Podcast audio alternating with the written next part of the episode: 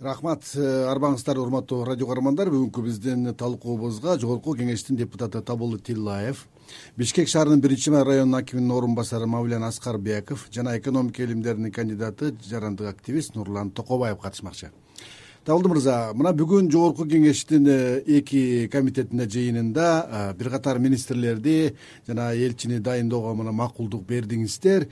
Сиздин пикириңизде бул өкмөт сунуштаган э, талапкерлерге макулдук берүүнүн негизги бир критерийи эмнеде болду бул? Алардын жаштыгы негизги эске алдыңыздарбы же тажрыйбасыбы же фракциялардын бир таандуулугу болдубу саламатсыздарбы? Негизгиси биз э, тажрыйбасын карадык. Бүгүнкү ошол э, өкмөт мүчөлүк э, талапкерлеринин андан кийин эң негизгиси бул премьер министрдин өзүнө өзү баягы жоопкерчиликти алганы болду. Бул жерде эч кандай коалиция көпчүлүк же бир фракциядан бул министрликке кандидат берилген жок да бул жерде премьер министрдин өзүнө мүмкүнчүлүк бердик. Буга чейин э, коомчулукта бир топ тез э, сөздөр айтылып кетти. Эле ошон үчүн биз премьер министр болгондон кийин жоопкерчилигин өзүнө алып аткандан кийин ушул министрликтерди оор министрликтерди э, өзүнө мүмкүнчүлүк түзүп бердик десек болот да. Бул комитетте мисалы үчүн айыл чарба министрлигинин негизи биринчи министри жумуштан кеткенден жалпы жетекчиликке болгон коомчулуктун нааразычылык болуп атпадыбы? Ошол эле учурда ошо беш алты жыл э, министрдин орун басары болуп иштеген адамды кайрадан министр болуп көрсөтүлүшү канчалык бир логикалык жактан туура деп ойлойсуз? Бул жерде эми э, коомчулукка туура түшүндүрүп кетишибиз керек. Бул жерде бир жумушка э, айынан кеткен жок да министр бул ден соолугу гана байланыштуу кетти. Да ошон үчүн э, бул киши беш жыл зам министр болуптур анан мурдагы ошо бүткөн окуунан баштап э, иш тажрыйбасын карап беш жыл ошол министрликте зам министр болуп отурган себебинен бүгүнкү күндө мына жазгы талаа иштери жүрүп атат. Аларга даярдык күзгү талаа иштерине даярдык башталат. Ошон үчүн жумуш токтоп калбаш үчүн биз ушул кишинин кандидатурасын колдоп бердик.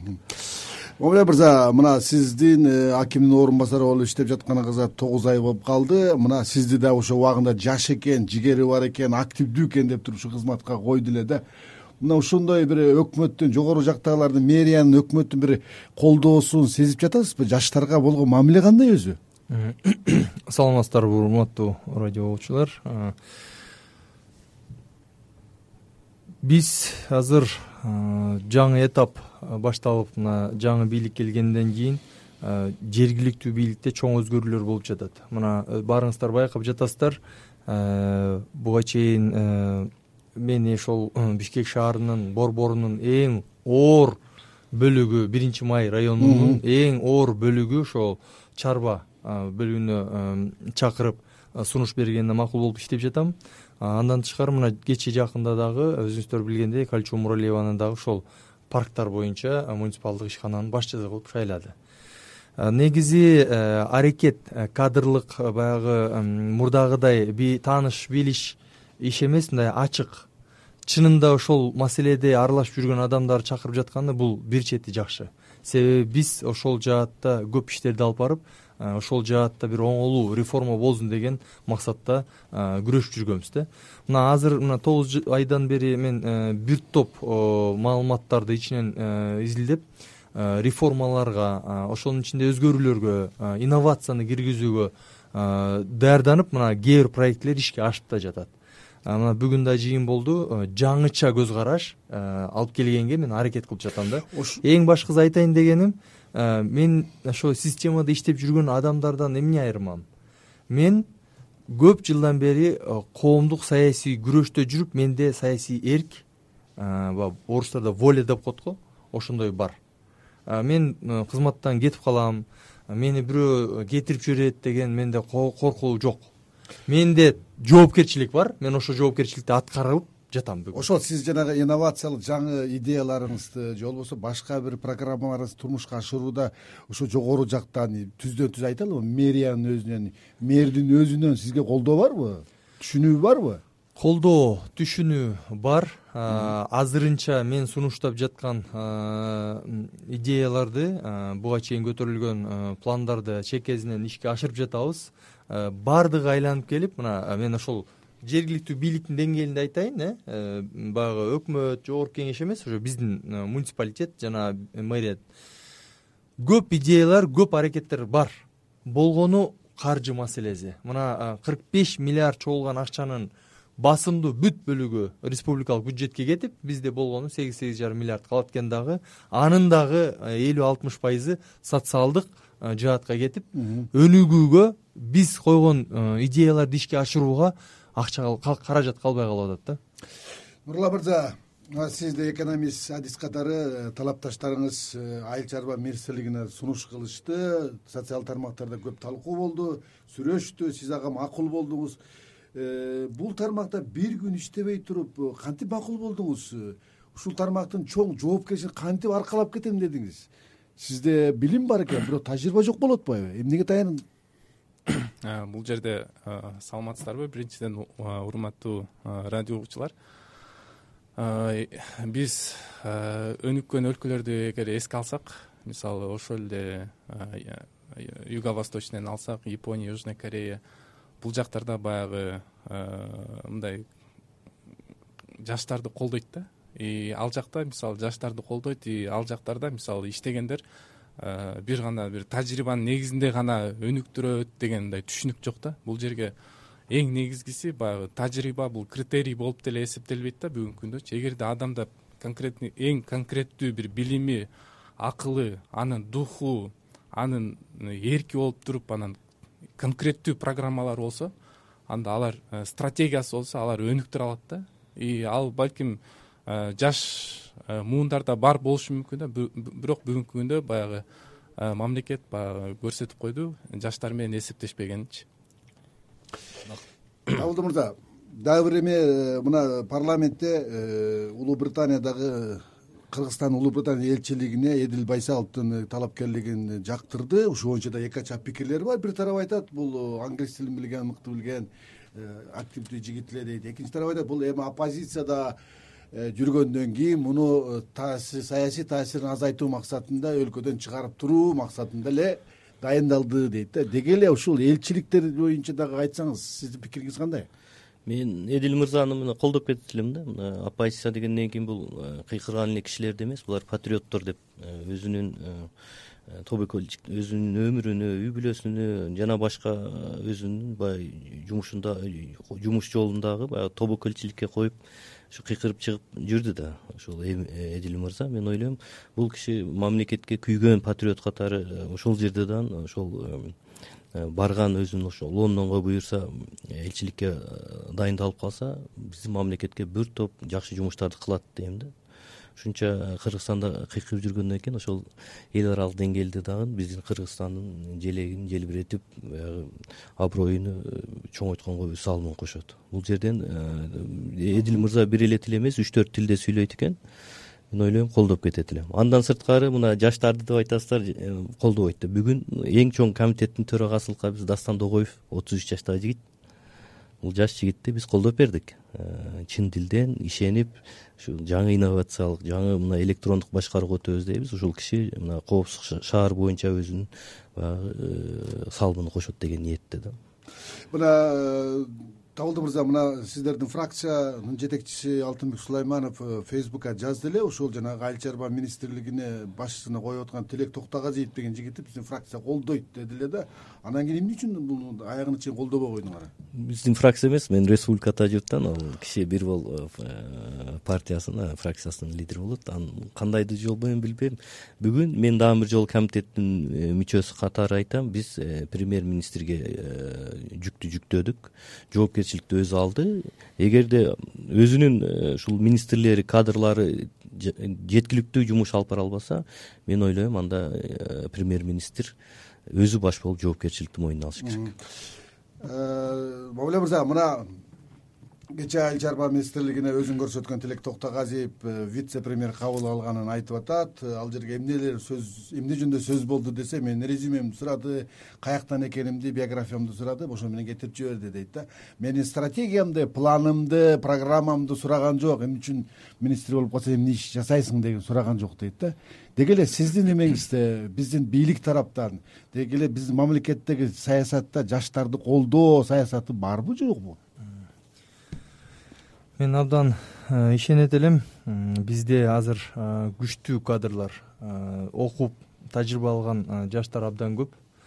Мына ушул азыркы абал чейин шайлоого чейинки абал өкмөткө толук мүмкүнчүлүк бермек да. Мына азыр фракциялар дагы айтып атат. Премьер министр жоопкерчилик алыңыз команданы түптөңүз алдыга жылыңыз депчи. Мына бул карт бланш чынында мындай болгон эмес да. Анан мен ойлойм бүгүн коркпой эле тилекке окшогон күчтүү кадрларды алып келип тартып толугу менен өкмөттүн курамын жаңылап туруп эле бир кардиналдуу өзгөрүүлөргө барыш керек эле.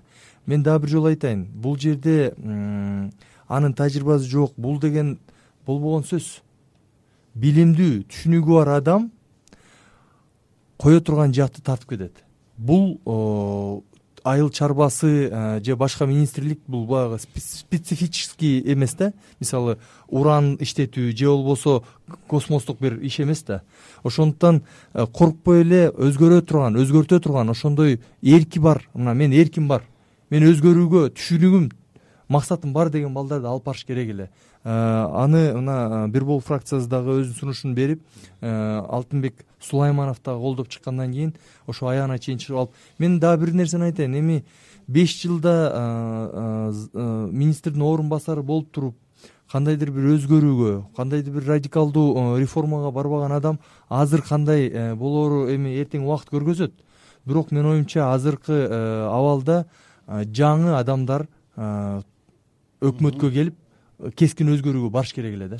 Жаңы адам демекчи нурлан э, мына э, өзүңдүн айланаңда дагы көп пикирлер болду өзүң дагы өзүң бир программаң менен э, социалдык тармакта бөлүштүң. Мына ушундан кийин биздин өкмөт тараптан сизге кызыгып сурап мүмкүн чакырып оюңузду уктубу андай эч нерсе болгон жок. Антип деле сурап деле койгон жок. Анан баягы мен өзүм ойлоп калдым да могу эки күндөн бери аябай ызы чуу болуп кетти. Анан баягы аябай өкүнүчтүүсү баягы ушул кыргыз кыргыз өкмөтү мындай даяр эмес экен да. Эч билбейт да мындай стратегиясы жок каяка барышын билбей калды да.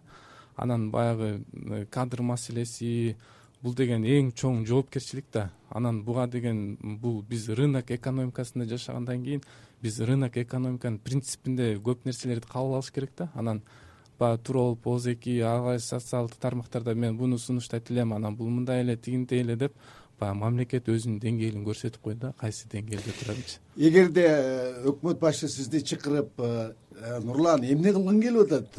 Айыл чарбасын кантип башкарабыз кантип өнүктүрөбүз? Кантип реформа жасайбыз десе бир үч пункттан турган негизги багыттарды эмне деп айтат элең мен конкретный стратегиям бар. Үч пунктта турган үч направление үч багыттагы айыл чарбаны өнүктүрүү жолун айтат элем. Эң биринчи бул ушу фермерлердин атаандаштыкка туруштук берүүсүнө өтө көңүл бурулмакпыз да. Буруш керек негизи самом деле экинчи багыт бул бүгүнкү күндө майда өндүрүм деген эң чоң көйгөй бар кыргызстанда. Ошонун кантип ушул майда өндүрүмдү жоюу жолдорун көрсөтүп бермекмин бул кооперативдин негизинде. Бирок бүгүнкү күндө кооперативдер иштейт өтө көп кыргызстанда бирок алар иштебейт да. Анын себептерин э, бүт э, иштеп чыкканбыз. Үчүнчү үчүнчү маселе үчүнчү багыт биз албетте фермерлерди гана ойлоп ойлоп кое бербестен биз элдин акыбалын да ойлош керек да. Ошол продукцияны алар ошол медицинская норма деп коет. Ошол медицинская норманын негизинде тамак ашты толук түрдө жеп ошону сатып алганга мүмкүнчүлүгү барбы же жокпу ошонун негизинде иштеш керек да? Ушул үч багытта табылды мырза мына жаштар жаштар демекчи деги эле э, кыргызстанда э, саясат жагынан алсак дагы мыйзамдык жагынан алсак дагы жаштарды өзүн өзү өнүктүргөнгө өстүрүүгө мындай шарт барбы өзү? Сөзсүз сөзсүз бар. Эми бакыт мырза баарыбыз эле бүгүн министрдин орду бошоп калса эле эртең мен министр болуп болом деген туура эмес мен мына инилеримден суранып кетир элем бизде атайын кадрдык служба бар. Ал жерде кадрларды даярдайт. Атайын э, академия бар. Ошон үчүн ошо кадрдый службаны да биз азыр э, мен дайым э, сындап келем. Себеби кадр тандоодо кадр даярдоодо ал служба баягы деңгээлдүү жумушту алып бара албай атат да. Мен былтыры сураганда ошол кадрдык службанын гос кадр службанын биринчи орун басары айтты эле бизде бир эле гос кадр бир адам резервде турат деп бул уят ошол службаны түзгөндөн кийин ошол жерде биз баардык тармакта кадрларыбызды резервде кармап турушубуз керек да. Тилекке каршы мына баягы конкурс деп койдук башка барьерлерди койдук ал ошол резервде турган биздин кадрларыбыздан татыктуу кадрларыбыз э, кандайдыр бир саясий көз карашта же башка көз карашта тандалып калып атат да. Биз ошону э, жойсок мына э, биздин программасы бар жаш болобу орто жаш болобу же эгерде ушул тармакты мен бир мындай деңгээлге жеткизем же моундай мен маселелерди чечем деген бизде система бүгүн алгылык. Кадровый служба негизи мунун баарын даярдап туруш керек. Бүгүн биздин министр бошодубу э, эртең анын ордуна бирөө даярдап туруш керек. Муну үчүн биз мына кадрларды айтып атабыз. Э, мына фракциялар коалициялар э, конституциянын негизинде чечип келген. А бирок ошол госслужбада иштеген аны мамлекет миллиондоп акча коротуп он жылдап жыйырма жылдап даярдап атат. Тилекке каршы аны биз каалаган күнү жумуштан кетирип коюп атабыз. Эртеси күнү бияка айтканда анда эмне болуп атат? Жашоо эмне болуп атат ал анын ичинде мамлекеттик сыр бар же башка мына ойлор максаттар бар. Аны биз көңүлгө бурбай атабыз да. Ошон үчүн э, кадрдык э, служба мыйзамды так аткарса мен ойлойм бизде кадровый дефицит болбойт мамиля мырза мына бизде кадрды тандоодо дайындоодо же болбосо жайгаштырууда э, атайын мыйзамдуу жолдор бар. Конкурс аркылуу башка бир жолдорубуз бар да. Сиз ушул бүгүнкү биздин жагдайыбыз сизди канааттандырабы эгер канааттандырбаса анда кандайдыр бир өзгөрүүлөргө барышыбыз керекпи кадр тандоодо? Эң туура айтасыз эми биринчи кадр тандоодо биз так айтышыбыз керек. Жогорку саясий кызматтар бар жогорку административдик кызматтар бар. Анан жана э, башка муниципалдык э, э, мамлекеттик кызматтар. Биринчиден жогорку саясий кызматтарга баардык өнүккөн мамлекеттердин формасында болуш керек. Мисалы бүгүн фракциялар айтып атат. Премьер министр жоопкерчилиги ал биз албайбыз депчи. А өнүккөн мамлекеттерде кандай? Коалицияны ким түзүп э, ким көпчүлүктү алса ошолор өкмөттүн курамын курат дагы мамлекетте реформаны э, өнүгүүнү көздөшөт. Эки жыл үч жыл колунан келбейби? Кийинки шайлоодо ал партия эч качан кайра бийликке келбейт. Эл ага добуш бербейт. Мына ушул адамдар биздин мамлекеттин түбүнө жетип элибизди тентиткен. Биз буларга добуш бербейбиз бул логикага дагы азыркы өнүккөн мамлекеттердин бирден бир жолу. Бизде тилекке андай болбой жатат. Ошондуктан бизде маселе чыгып атат. Э, тиги айыл чарба э, министринин орду бошоп калды. Кимди коебуз деп. Анан интернеттен чыгып атат. Мен теплица кылдым эле. Мен экономист элем. Анан мен сонун элем депчи. Андай болбош керек. Партия барбы? Коалициялык көпчүлүк барбы? Жоопкерчилик алыңарбы мына бул адам биз жоопкерчилик саясий жоопкерчиликти биз аткаруу бийлигинде мына биздин кадр бул деп ал эми э, берки э, баягы э, кызмат муниципалдык мамлекеттерде ада жана сиз айтып кеткендей конкурстар бар. Республикалык деңгээлде республиканский резерв андан кийин ички внутренний резерв деп коет. Ооба. Ошонун баардыгы сиз эң туура айттыңыз ошо кадр кызматы государственная кадровая служба деп коет. Ошол жак толук менен реформа болуш керек. Конкурстар кандай өтөт? Тест эмне болот э? Тестке доступ барбы? Мисалы азыр тестке доступ жок мен аны мына күзүндө келгенде айткам даярданып аткандачы ачык кылгыла. Айылдан бияка келбесин ошол жакта отуруп интернеттен даярдансын эми негизи бул системалардын баардыгын биз ойлоп кереги жок. Мына европада бар америкада японияда малайзияныкын эле алып туруп эле бул жака киргизип туруп эле ошонун негизинде кетиш керек. Мына азыр төрт этаптуу мен өттүм. Биринчи документтерди тапшырдым. Туура келеби туура келбейби экинчи мен гос кадровый службадан тест өттүм жакшы жыйынтык менен өзүм өттүм. Андан кийин эссе жаздым андан кийин собеседование деп коет ооз эки мына ушул этаптарды өттүм ошонун баардыгы мисалы э, азыр э, мэрияда ошол э, руководитель аппарата тилебаев балбак зарлыкович камераны коюп койду.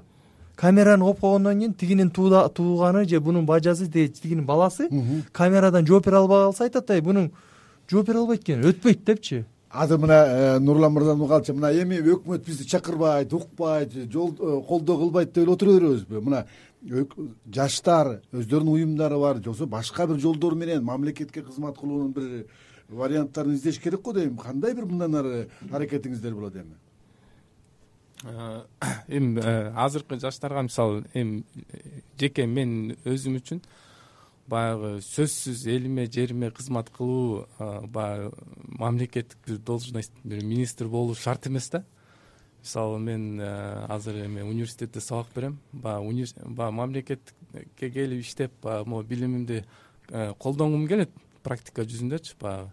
Бирок мен азыр эч андай деле мындай өкүнүп деле бир эме болгон жокмун.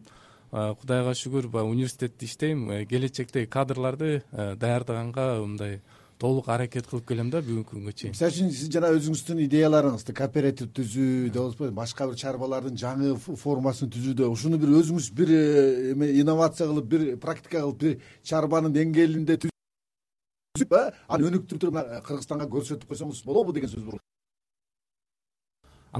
бирок ал программалар үчүн сөзсүз түрдө бул мамлекет тараптан колдоо керек да колдоо керек. Э, буну кээ бир учурларда бизде мындай нерселер болгон.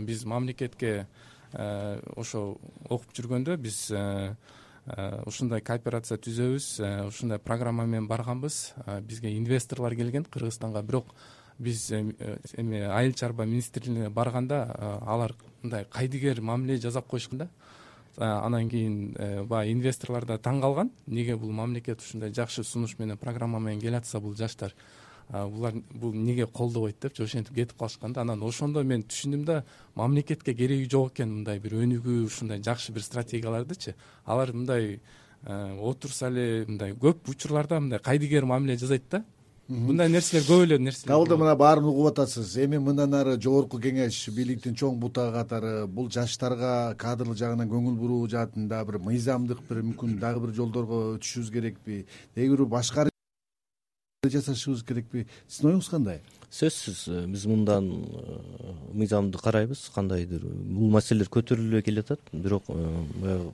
өзүнүн процедуралары бар экен да. Анан кийин Э, жанагы конституция нормасында айтып кеттиңиздер. Туура конституция нормасы бузулду. Э, себеби бизде эми өнүккөн мамлекеттерде ошол келген э, фракциялар өздөрү түзүп коалиция ошонун ичинен премьер министр чыкса мындай уверенный иштемек да. Бул норма онунчу жылдары иштеген. Мына атамбаев өзүнүн партиясы менен келип премьер болду. Андан кийин бабанов каршы андан кийин кандайдыр бир саясий оюндардын негизинде ушул бузулду да ушул принцип.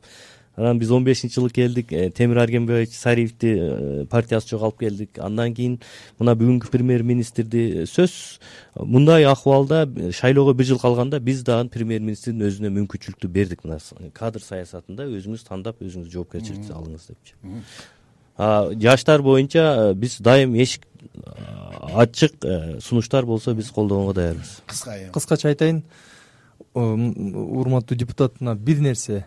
Биз жаштарды кулагандан тартып эч качан алып келбешибиз керек. Жаштар күрөш тажрыйба билими аркылуу келиш керек. Э, бул жерде жогорку э, саясий кызмат жөнүндө сөз болуп жатат. Ошондуктан айтат элем биздин радио угармандарга деле. Тигини кылыптыр буну кылыптыр тиги сүрөткө көп түшүптүр деп алып келе берген ал дагы жаңылыштык бир жерде айтайын дедим эле.